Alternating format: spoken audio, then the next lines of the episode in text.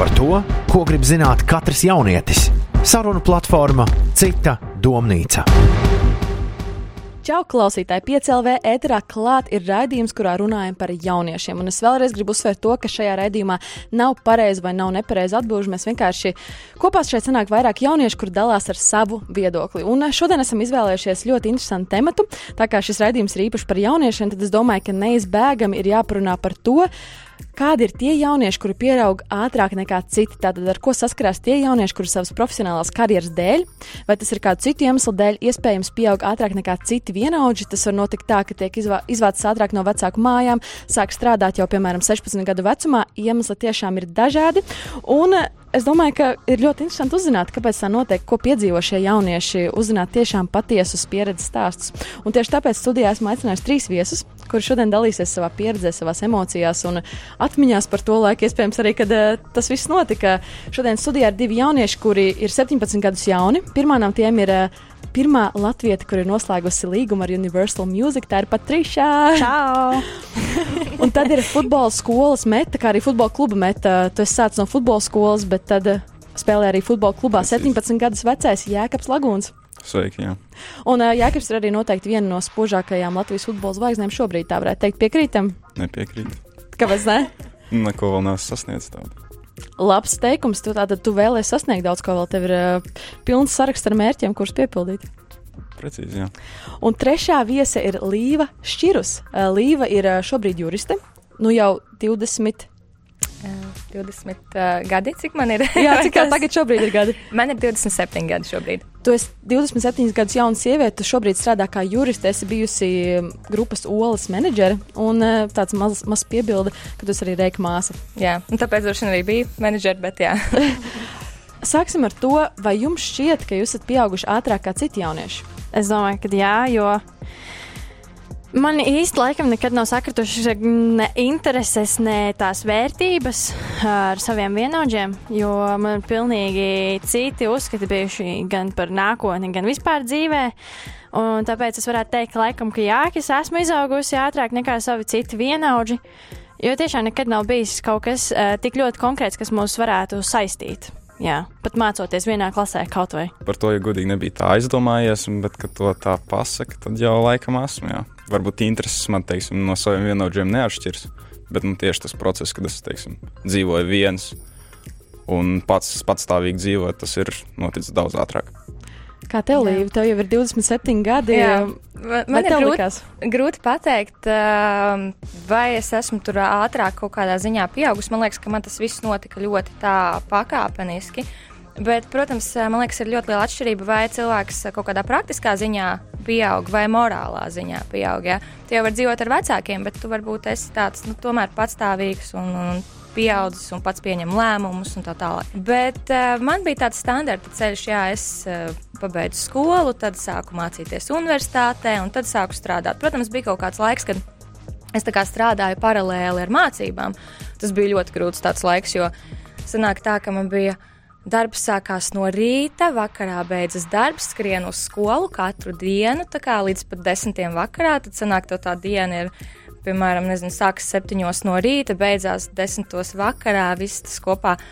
Uh, bet, laikam, tajā laikā kaut kā, es nezinu, bija, varbūt bija jaunāk, bija vairāk tā enerģija, un, un, un man nelikās tik grūti. Es nezinu, vai tagad, tagad es diez vai varētu vairs tādu ritmu. Tā kā, vai ne tas, uzturēt. kas tagad mūsdienu jauniešiem ir, mēs dzīvojam ļoti Jā. steidzīgā laikā, un tā es domāju, ka jums šobrīd ir iespējams ātrāk, ātrāks dzīves ritms nekā Līvai bija pirms desmit gadiem, piemēram. Esmu priecīga, ka man nav tāds dzīves ritms kā tev. Bijis. Jā, jā, jā. es, es, man liekas, arī jau vēl aizvien šādā vecumā esot, es, man liekas, arī nevarētu mm -hmm. to, jo man ir svarīgi izgulēties, kas arī ir īstenībā piln, pirmā tāda jā. svarīgākā funkcija, kas tev dod to enerģiju visām lietām. Mm -hmm. un, un, un, jā.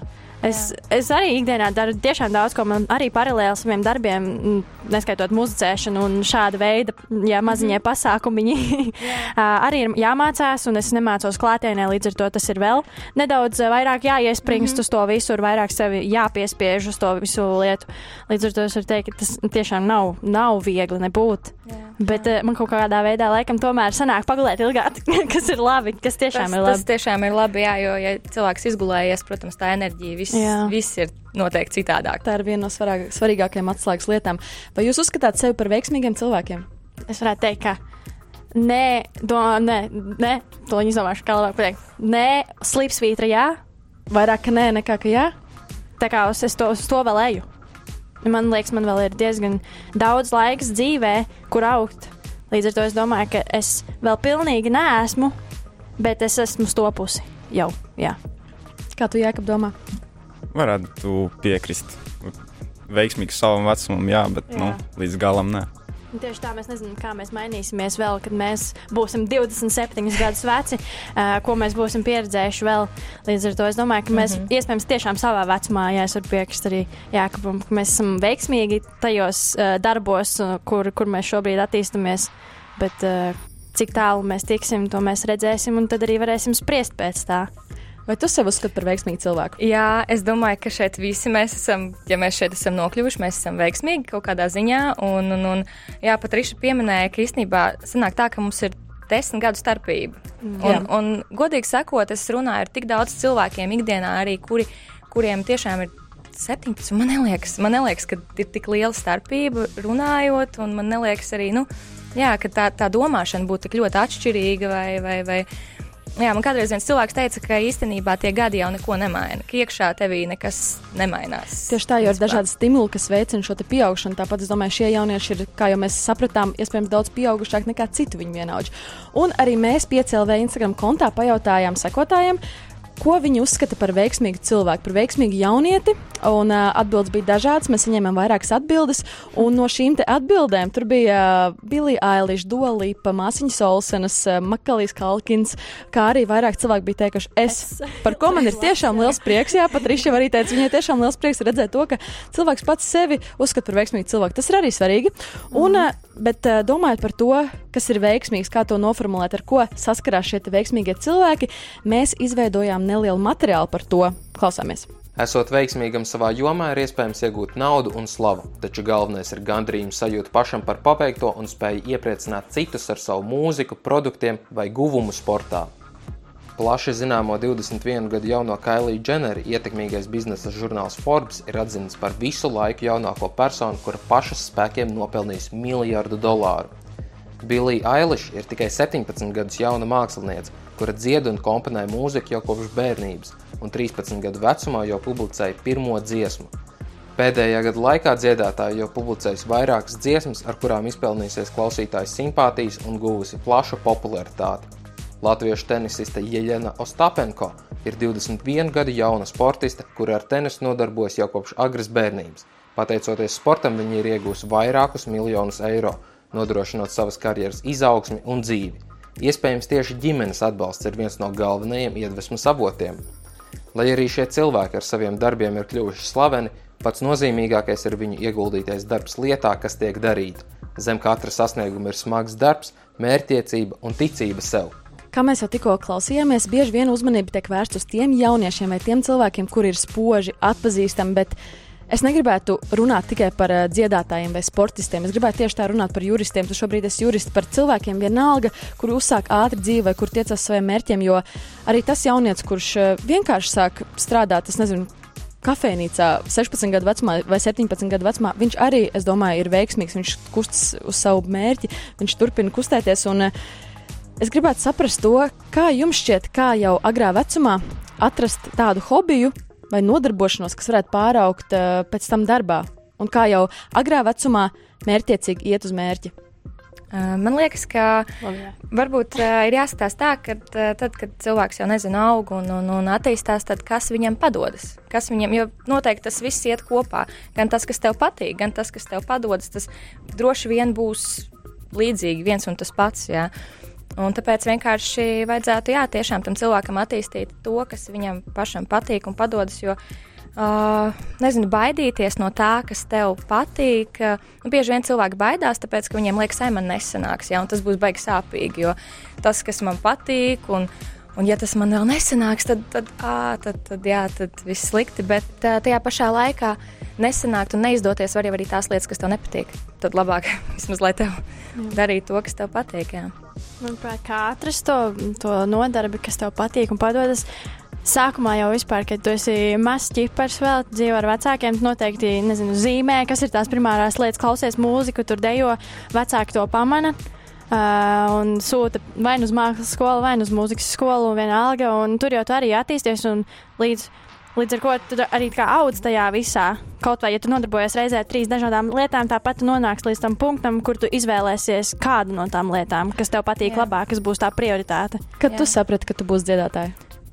Pa lielam, es sapratu uzreiz, jo man mūzika tiešām vienmēr ir bijusi. Jau, es dziedāju jau pirms es mācījos, mā, mācēju runāt.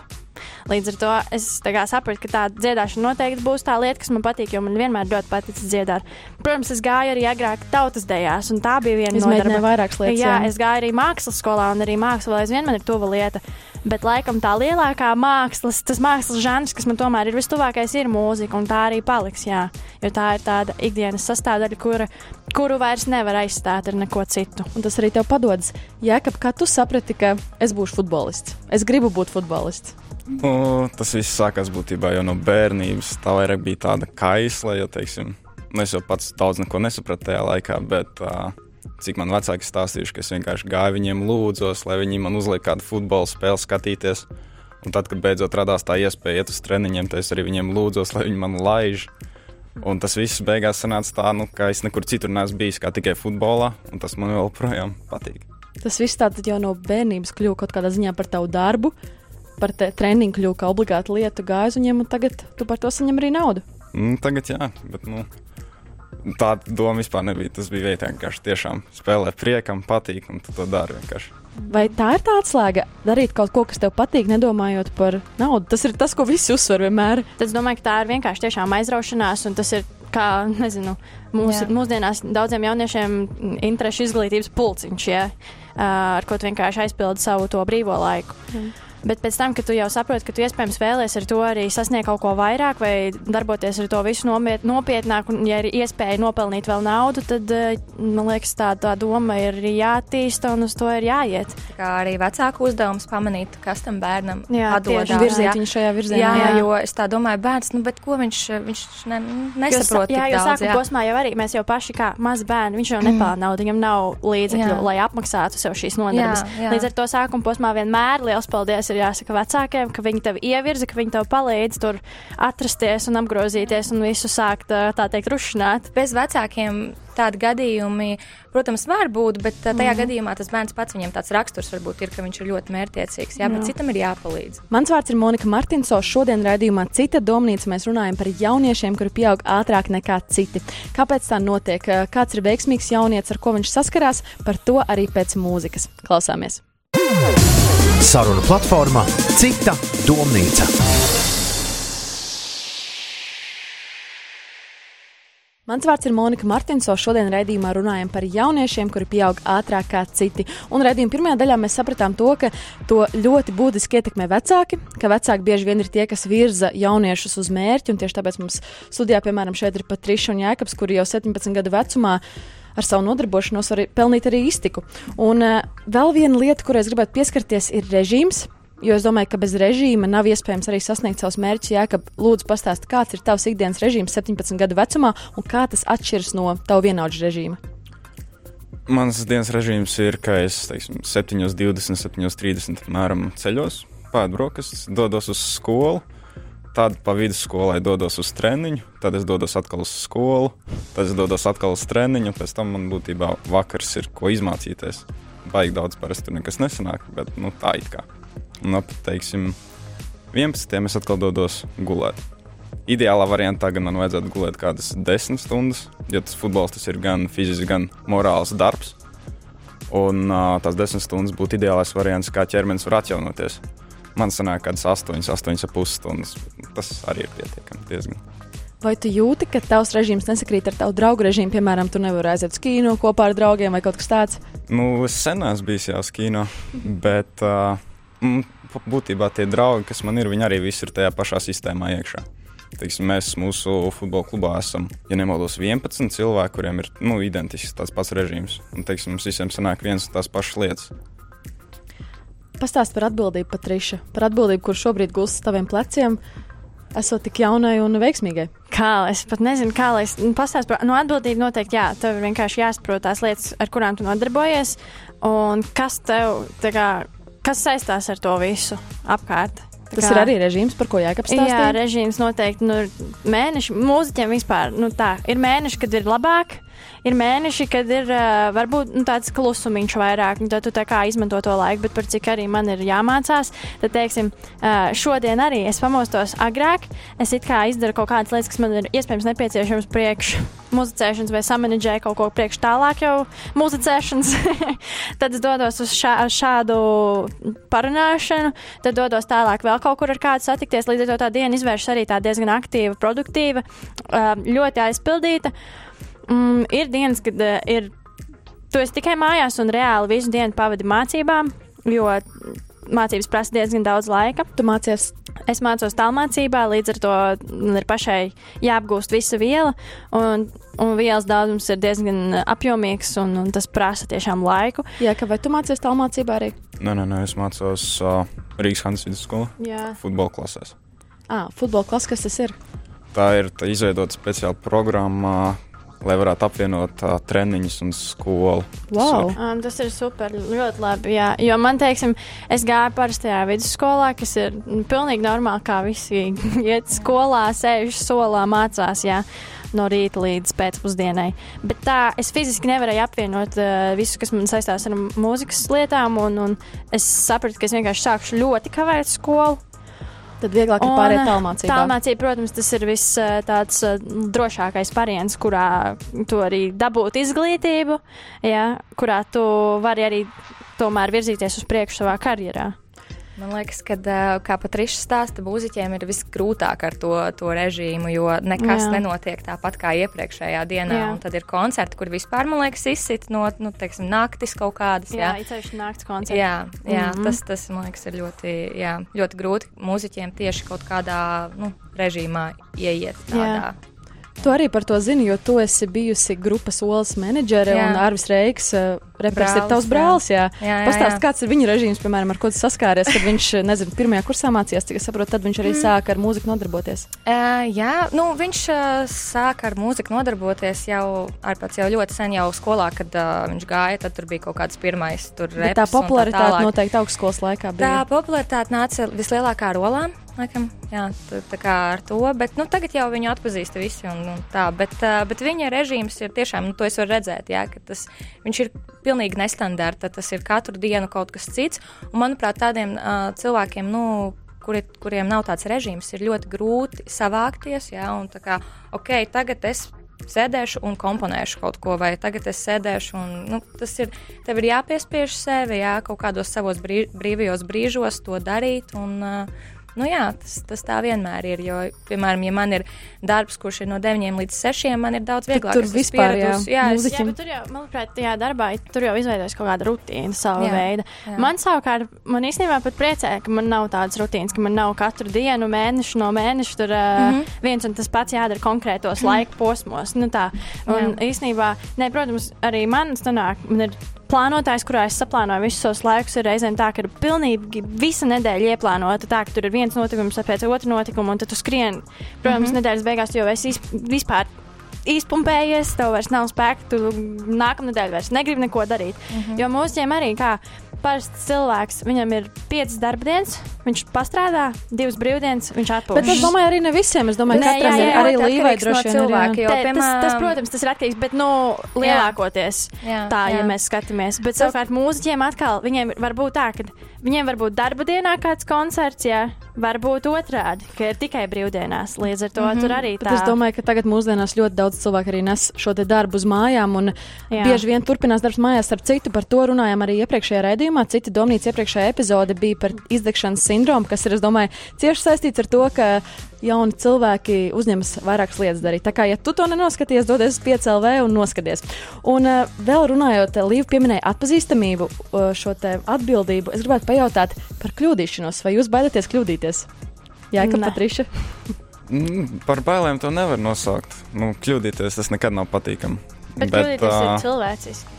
Tieši tāpēc tas nav nekas un tāds, no kā baidīties. Tāpēc nu, tas arī stiprinājums ir kaut kāda veida. Brīžiem ir tā, ka kaut kā liekas, jā, kad ir nedaudz bail, bet uh, tas jau, jā, tieši tā tu mācies no tā. Jā. Un, un visas tās kļūdas patiesībā ir tās, kas veido tevi kā cilvēku. Un, nu, jā. Jā. Kāda, piemēram, ir bijusi tava lielākā kļūda jaunībā šai, šajā laikā, kad tev, piemēram, bija 17 gadi, tieši runājot par profesionālo vidi, mm. jo tu teici, ka tu biji pārvāksies dzīvot prom, tad pārvācies atpakaļ no vecākiem.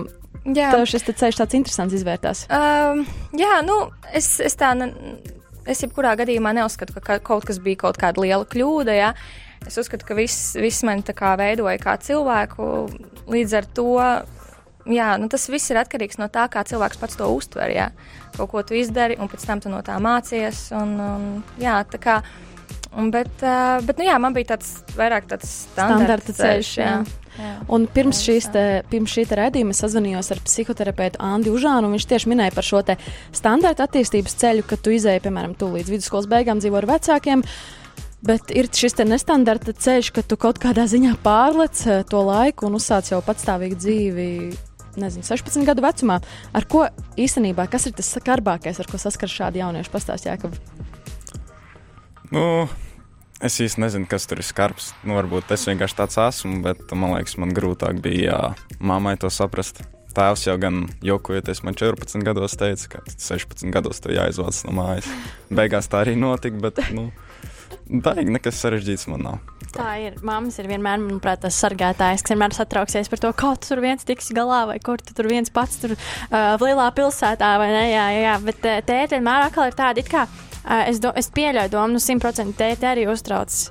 Bet mm. viņi kaut kā, man liekas, ir mm, tādi drošāki un ka viņiem pat gribās, lai tu sāc pats saprast lietas dzīvē, kas ir forši.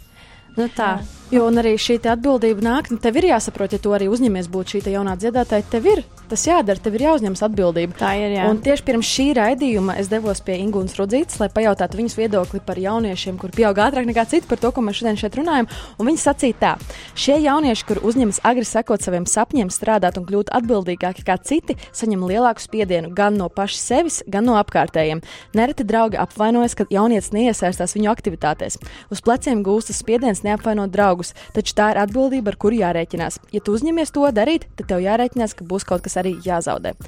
Vai jūs to izjūtat, ka, piemēram, Jā. draugi grib kaut ko darīt, jā, kā jau es minēju, bet uh, viņi nesaprot to, ka nē, tev ir sava atbildība, tev ir kaut kam jāsako. Vai tu sastopies ar to, Patriša? Simtprocentīgi. Ir, nē, ir jaunieši, kuri arī ar kaut ko nodarbojās, un, un tad viņi tevi saprot, kā tas ir, un viņi ir līdzīgā situācijā, un, un tur nav nekādas uh, pat uh, liekas sarunas par to.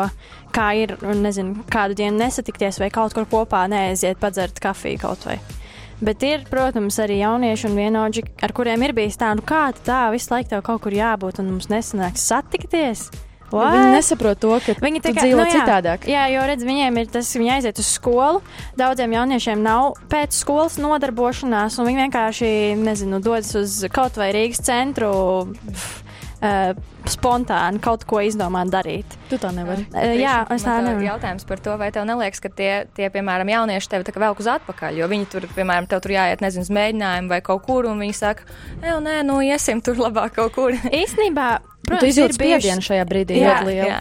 Īstenībā, varbūt pat, nezinu, man nav īsti bijis tāds spiediens, ka man kāds vākt uz, jā, vilkt uz atpakaļ, jo Protams, ir bijušas reizes, ka nu, varbūt šoreiz var neaiziet, varbūt gribi ar mums atnākt, bet man vienmēr ir kaut kā bijis tas, ka man ir jāiet uz savu mēģi un ka tā ir lieta, kas man patīk, un, un es ar viņu nodarbojos, un es zinu, ja es palaidīšu kaut ko garām, tad man pēc tam būs nu, kaut kāds sirdsapziņas pārmetums mm -hmm. vai ne sev. Mm -hmm. Un tad es tā kā nu, arī saprotu tajā brīdī, ka tomēr, tomēr ir jauniešiem nu, ļoti citādāki uzskati par mm -hmm. to mhm. dzīvi un ir citas vērtības. Es nezinu, varbūt tiešām vienkārši esmu prātā jau kaut kāda 30 gadnieci, jā, un es, es nezinu. Mm. Bet jā, nu, man vienmēr ir bijis tas, ka, ja es ar to lietu nodarbojos, tad uh, man ir pie tā nopietni jāpieiet, un ka es nevaru tur, nu, varbūt šodien neaiziešu, varbūt es šodien nē, jo tas tev arī atņem kaut kādā veidā tās uh, nu, iespējas. iespējas jā. Jā. Jā. Jā, ka, bet tu teici, ka tev lielākā daļa draugu ir futbolisti, bet vai tev ir kādreiz gadījies tā, ka kāds velk uz ballīti un saka, aizem šokar tur, bet tu zini, nē, man rīt no rīta ir treniņš? Nu, protams, jā, nu, tomēr. Tas kādreiz domājis izlaist šo treniņu? Nē, tas, tas nemaz nav iespējams. Mm. Tas nav pieņemams vienkārši. Tas pat neienāk tavā prātā izlaist Nu, treniņu. nē, nē, nē, tas, tas nav iespējams. Bet Tiešām. tur pazūd visu nopietnību tajā lietai. Nu, tā tas ir. Bet, ja Jā. tu saslimsi, tad Tas jau ir cits aizbildinājums. Saslimt tas arī ir uh, nedaudz savādāk. Jā. Labi, tu nepiedalies ar komandu, tad, Jā. bet tāpat tu individuāli skriet, teiksim, uh, vai stiepties, vai strādāt ar savu ķermeni. Nu, tas ir, teiksim, tu nedari kopā ar komandu, bet tu strādā tāpat individuāli, vienalga par ko. Mm. Tad es domāju, mēs esam atraduši jau vienu secinājumu, ka tā ir pilnīga ziedošanās, lai sasniegtu savus mērķus. Tad pat prātā neienāk tāda doma, kā izlaist treniņu, neaiziet uz treniņu. Mm. Uh, vēl viens aspekts, tad, kad tu kaut ko dari. Uh, Var saņemt bieži vien negativitāti. Iespējams, Līva pastāstīs, vai tu esi saskārusies, piemēram, ka tu kusties uz savu mērķi, tu virzies uz priekšu un saskaries ar kaut kādu negativitāti. Tu minēji par šiem cilvēkiem, kas iespējams velk uz atpakaļ tevi. Mm. Mm -hmm. Jā, nu, droši vien kaut kādos brīžos ir tā bijis, bet uh, esmu tāds cilvēks, man pozitīva attieksme, es to tā neustvēru. Bet, protams, ir cilvēki, kuriem varbūt tas ir tā, nu, daudz vairāk, viņi ir jūtīgāki, jā, un viņi to uztver ļoti tā sāsināti. Tāpēc man liekas, ka ir ļoti svarīgi, ka tie jaunieši, kur arī kā, iet uz savu mērķi, vai kuri ātrāk uzsāk kaut kādas pieaugušo gaitas, lai viņi uh, to sev cauri tā nu, apstrādātu, nezinu, izlaistu, un, un, un, un uh, nu, lai viņiem nebūtu trauma pēc tam vienkārši, lai, lai viņi tiešām nu, būtu tam gatavi. Nevis tā, ka vienkārši viņi vispār tam nav gatavi, un tad viņi tiek iemesti, un pēc tam, pēc tam viņiem ir uh, ar tām sekām vienkārši jārēķinās. Un jau, Jā. ir jau arī tā, ja tu nopērci mašīnu, tad tev ar mašīnu ir jābrauc. Un noteikti tas ir jāsaprot, ka, ja tu paraksties uz kaut ko, tad Jā. tev tas ir jādara. Un Jā. tu mašīna nestāvēs vai pat uz priekšu nebrauks vienkārši. Tā kā, nu, Jā. es domāju, ka to arī kaut kādā ziņā veiksmīgi jaunieši saprot. Varbūt tie jaunieši, kas šobrīd klausās un grib būt veiksmīgi, viņiem tas ir jāsaprot, ka ir jādara vienkārši. Un tad, Jā, arī, tad jā. arī tu būsi veiksmīgs, tad arī tu sasniegsi kaut ko. Bez darīšanas nekur ne, nu, tā kā nenokļūs. Tā tas ir. Jā. Jā, Bet, jā, nu, es tā kā Visā gatavs. šajā jā. es varu teikt noteikti simtprocentīgi to, ka Tik tev ir 16, 17, 15 arī gadi, jā, ieskaitot, um, ka tu ieslīgst iekšā šajā nopietnējā darbā un visā, ka tu jau sāc saprast, piemēram, kā tur tas viss profesionāli notiek un ka tas tiešām tā nav spēlīta, jā. Ka tur tiešām uz to visu ir jāstāsta nopietni. Un, Protams, ir cilvēki, kuri ir spēcīgāki raksturā, ir cilvēki, kuri pa vienu ausu iekšā, pa otru ārā un viņš iet tālāk. Ir cilvēki kā es, kuri ir ļoti emocionāli, ļoti atklāti un savas emocijas bieži vien nevar tā kā noslēpt. Un, un tas, laikam, arī ir tas iespējams pluss manī, kas arī uz skatuves, un arī jebkurā vietā, kur es esmu saistībā ar mūziku, vai vienalga parunāt arī ar jums šodien. Un es kā esmu ļoti patiesa, un man nepatīk nezinu, no sevis uh, veidot kādu citu personību. Jo, manuprāt, tas ir nu, būtiski, ka tu vari būt pats tu.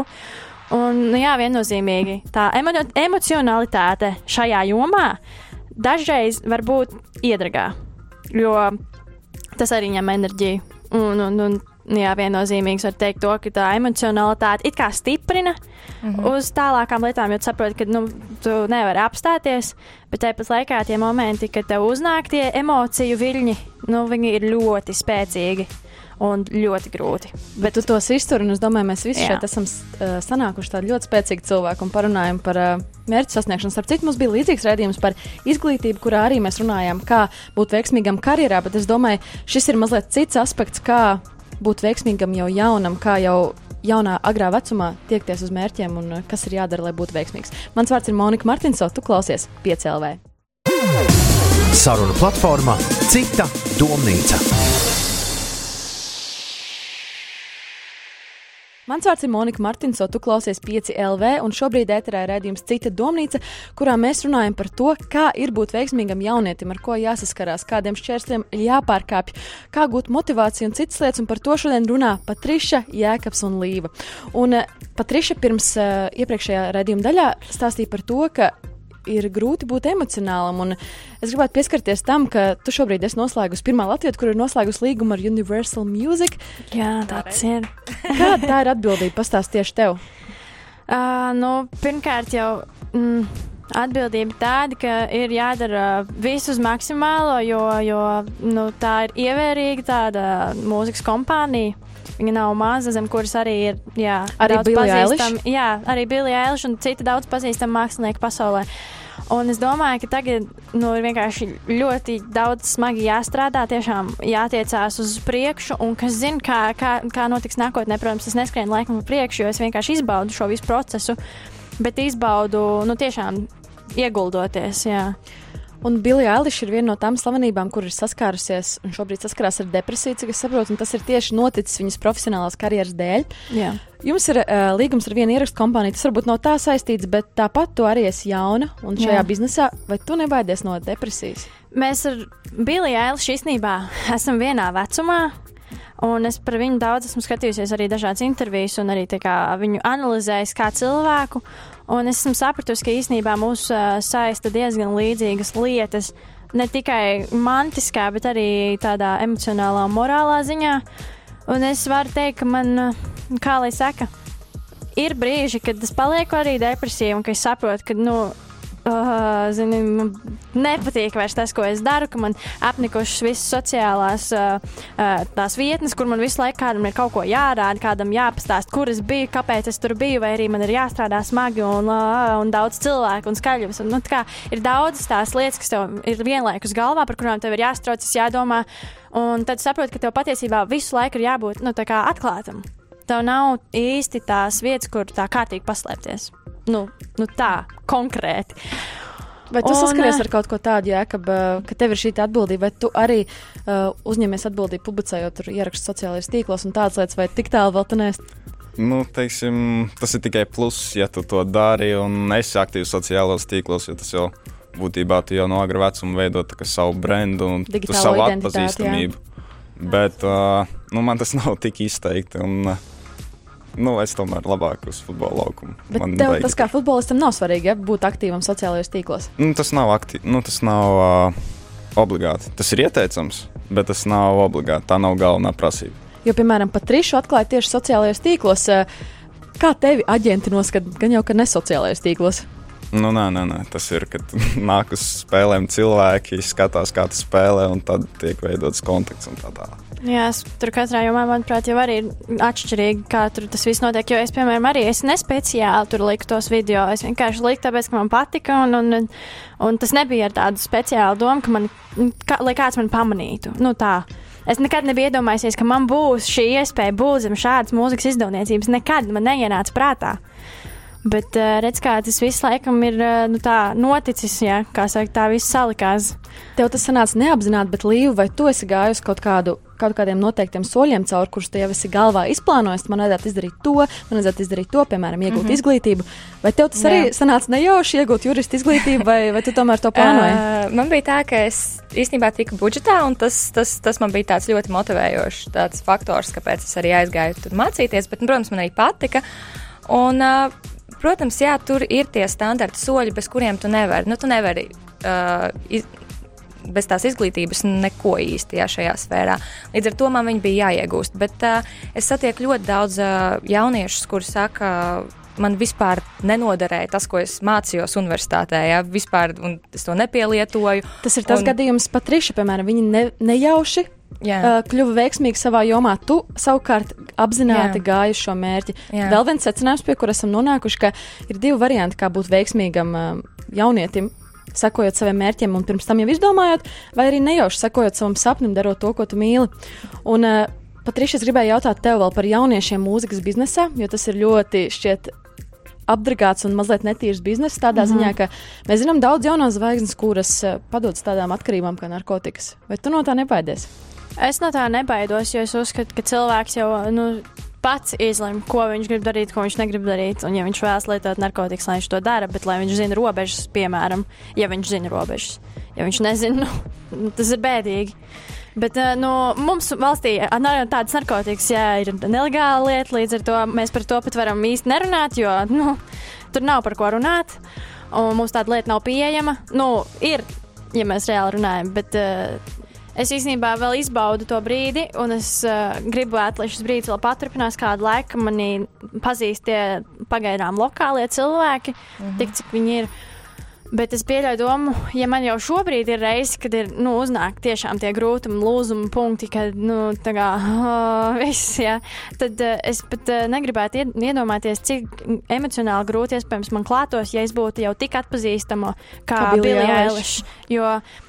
Viņa arī kā meitene, jā, viņa ir priecīga. Var skatīties tās video, kur viņa ir intervijājusi. Kā liekas, viņa ir pilnīgi normāla meitene. Zinu, nu, tā kā priecājās. Normāli, savu... normāli. Tas ir vārds, ko neizmantosim. Jā, jo normāli, Nē, nu, nu, vienkārši priecīga meitene. Neitrāli. Jā, jā. Jā nu, tā kā, tā kā jebkurš no mums cilvēks priecājas par to, ko viņš dara. Viņš priecājas, ka viņš tur ir un viss. Bet tāpat laikā redz ir intervijas, kur viņi pasaka, ka cilvēki reāli. Es atvainojos, bet tā kā jā, ir totāli jā, un ka viņi, jā, es atvainojos, bet tā ir. Viņi, nu, angļu valodā, protams, tas neskan tik rupi kā mums, jā, bet uh, viņi totāli pasaka, jā.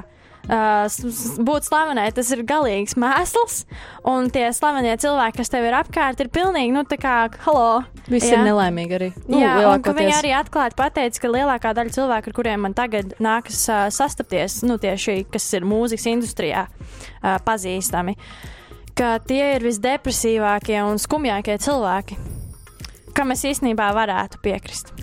Jā, kā sports, es domāju, ka ir pilnīgi tā, tā kā pretēji depresijai, jo sports it kā vairo to pozitīvo, lai gan mūzika arī vairo it kā pozitīvo. Vai tu saskaries ar šādām situācijām, ka tev gribās vienkārši atbrīvoties, vienkārši aizmirsties? Es nezinu. Nē, nesaskaros, jo nu, mums ir ļoti konkrēts grafiks. Nav tā, ka mūziķiem un teiksim, ir tā, ka mēs zinām, ka mēs tagad uh, desmit mēnešus kārtīgi trenēsimies katru dienu līdz sviedriem un vēl nezinu kā, un tad pēc tam ir divu mēnešu pauze. Un, teiksim, tu zini to, ka tur būs tā pauze, tad tu arī sevi nomotivē tā, lai tu vari, nu, teiksim, tik līdz tai pauzei pilnīgi morāli un fiziski sagatavots. Teiksim, tā. Tātad mēs saprotam to, ka jaunam un veiksmīgam būt nav viegli. Nemaz nav viegli. Līva, tu esi desmit gadus vecāka nekā pārējie mūsu viesi. Pastāsti, kas vēl ša, sagaida šos jauniešus, kam viņi vēl nav gatavi, ko viņi vēl nav piedzīvojuši savas uh, karjeras izaugsmas ceļā? Vai tev ka tagad viņus... internetā visu var atrast? Es neko jaunu nevaru pateikt, bet uh, nu, es varu vienkārši ieteikt uh, nebaidīties. Jā. Un, uh, man vienmēr pieeja ir tāda, ka es saku jā visam tam, kas man patīk, kas man interesē, nedomājot par to, ka man ir no tā bail. Un tad jau tajā procesā, pat ja, pat ja es kaut ko nemāku vai nesaprotu, es zinu, ka es to vienkārši man ir kaut kādas tās spējas, par kurām es esmu pārliecināta, un es zinu, ka es viņas tajā procesā iemācīšos, un, un tas viss notiksies. Ja? Bet nu, tajā pašā laikā, protams, svarīgs ir tas līdzsvars, nu, lai cilvēks neizdegtu. Protams, jā. jāprot arī pateikt nē kaut kādā jā. brīdī. Kāds ir tavs sapnis tuvākajai nākotnē, karjeras izaugsmas ziņā?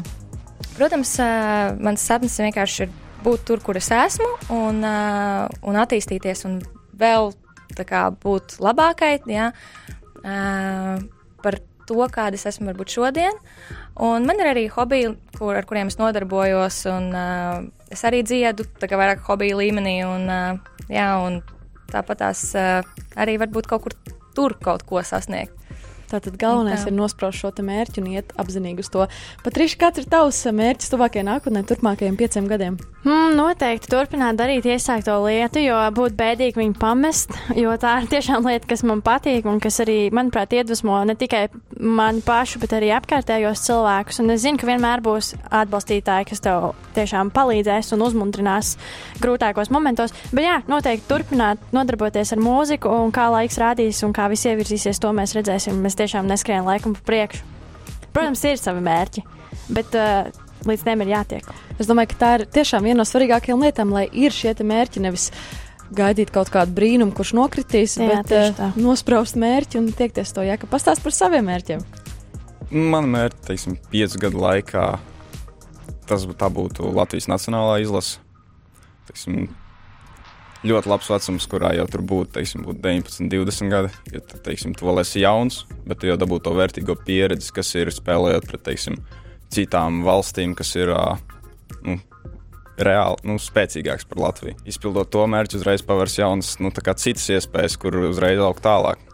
Jo, teiksim, valsts skatuve tā ir pati lielākā vieta, kā, kur visvairāk tev redz. Tieši tā. Man prieks dzirdēt, ka visiem šiem trim lieliskiem cilvēkiem, pat Rišai, Jēkabam un Līvai, ir uh, sapņi un mērķis, kuriem viņi tieksies. Un runājot par uh, secinājumiem, jautājums bija tāds, kā kāds ir veiksmīgs jaunietis, kāda atšķirība ir starp to jaunieti, kurš ātrāk pieaug un uzņems patstāvīgu dzīvi. Es domāju, ka atšķirība ir tāda, ka tie jaunieši bieži vien izvēlas ātrāk nosprost savus mērķus, izvēlas ātrāk uz tiem tiekties.